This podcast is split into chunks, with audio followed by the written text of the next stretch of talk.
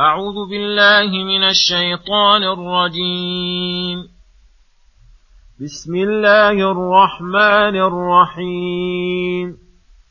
إنا فتحنا لك فتحا مبينا ليغفر لك الله ما تقدم من ذنبك وما تأخر ويتم نعمته عليك ويهديك صراطا مستقيما وينصرك الله نصرا عزيزا هو الذي أنزل السكينة في قلوب المؤمنين ليزدادوا إيمانا مع إيمانهم ولله جنود السماوات والأرض وكان الله عليما حكيما ليدخل المؤمنين والمؤمنات جنات تجري من تحتها الأنهار خالدين فيها ويكفر عنهم سيئاتهم وكان ذلك عند الله فوزا عظيما ويعذب المنافقين والمنافقات والمشركين والمشركات الظانين بالله ظن السوء عليهم دائرة السوء وغضب الله عليهم ولعنهم وأعد لهم جهنم وساءت مصيرا ولله جنود السماوات والأرض وكان الله عزيزا حكيما بسم الله الرحمن الرحيم. السلام عليكم ورحمة الله وبركاته. يقول الله سبحانه إنا فتحنا لك فتحا مبينا الآيات. هذا الفتح المذكور هو صلح الحديبية. حين صد حين صد المشركون رسول الله صلى الله عليه وسلم لما جاء معتمرا في قصة طويلة صار آخر أمرها أن صالحهم رسول الله صلى الله عليه وسلم. على وضع الحرب بينه وبينهم عشر سنين وعلى أن يعتمر من العام المقبل وعلى أن من أراد أن يدخل في عهد قريش وحلفهم دخل ومن أحب أن يدخل في عهد رسول الله صلى الله عليه وسلم وعقده فعل وسبب ذلك أنه لما أمن الناس بعضهم بعضا اتسعت دائرة الدعوة دين الله عز وجل وصار كل مؤمن بأي محل كان من تلك الأقطار يتمكن من ذلك. وأمكن ذلك الحريص على الوقوف على حقيقة الإسلام.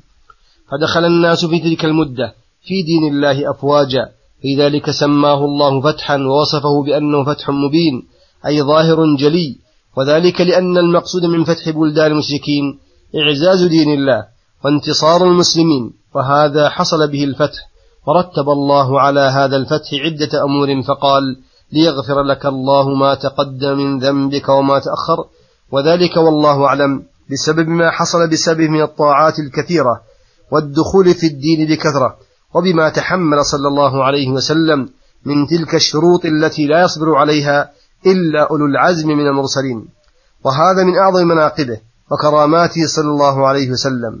أن غفر الله له ما تقدم من ذنبه وما تأخر ويتم نعمته عليك بإعزاز دينك ونصرك على أعدائك واتساع كلمتك ويهديك صراطا مستقيما. تنال به السعادة الأبدية والفلاح السرمدي وينصرك الله نصرا عزيزا أي قويا لا يتضعضع فيه الإسلام بل يحصل الانتصار التام وقمع الكافرين وذلهم ونقصهم مع توفر المسلمين ونموهم ونمو أموالهم. ثم ذكر آثار هذا الفتح على المؤمنين فقال هو الذي أنزل السكينة إلى قوله وساءت مصيرا.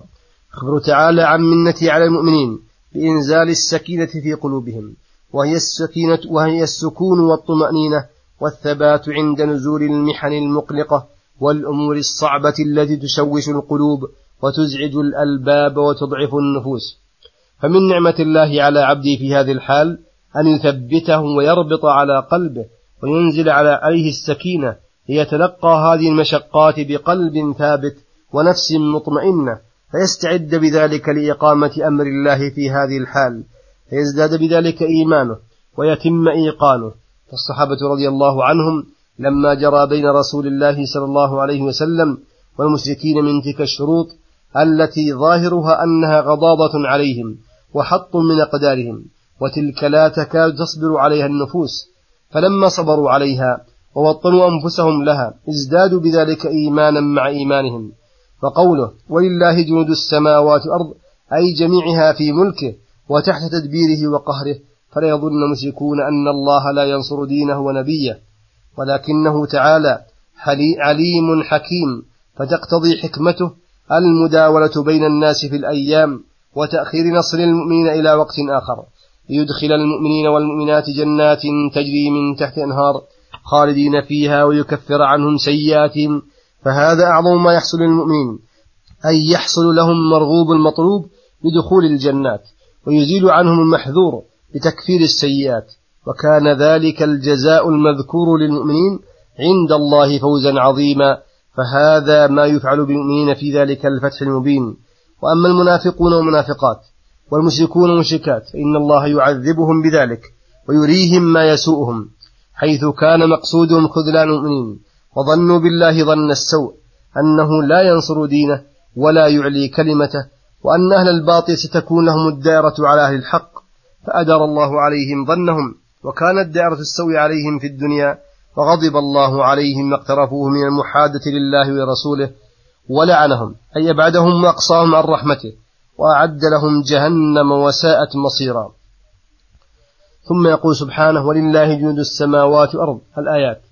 كرر الإخبار بأن, بأن له ملك السماوات والأرض وما فيهما من الجنود ليعلم العباد أنه تعالى هو المعز المذل وأنه سينصر جنوده المنسوبة إليه, المنسوبة إليه كما قال تعالى وإن جندنا لهم الغالبون وكان الله عزيزا حكيما أي قويا غالبا قاهرا لكل شيء ومع عزته وقوته حكيم في خلقه وتدبيره يجري على ما تقتضيه حكمته وإتقانه وصلى الله وسلم على نبينا محمد وعلى آله وصحبه أجمعين. إلى الحلقة القادمة غدا إن شاء الله. والسلام عليكم ورحمة الله وبركاته.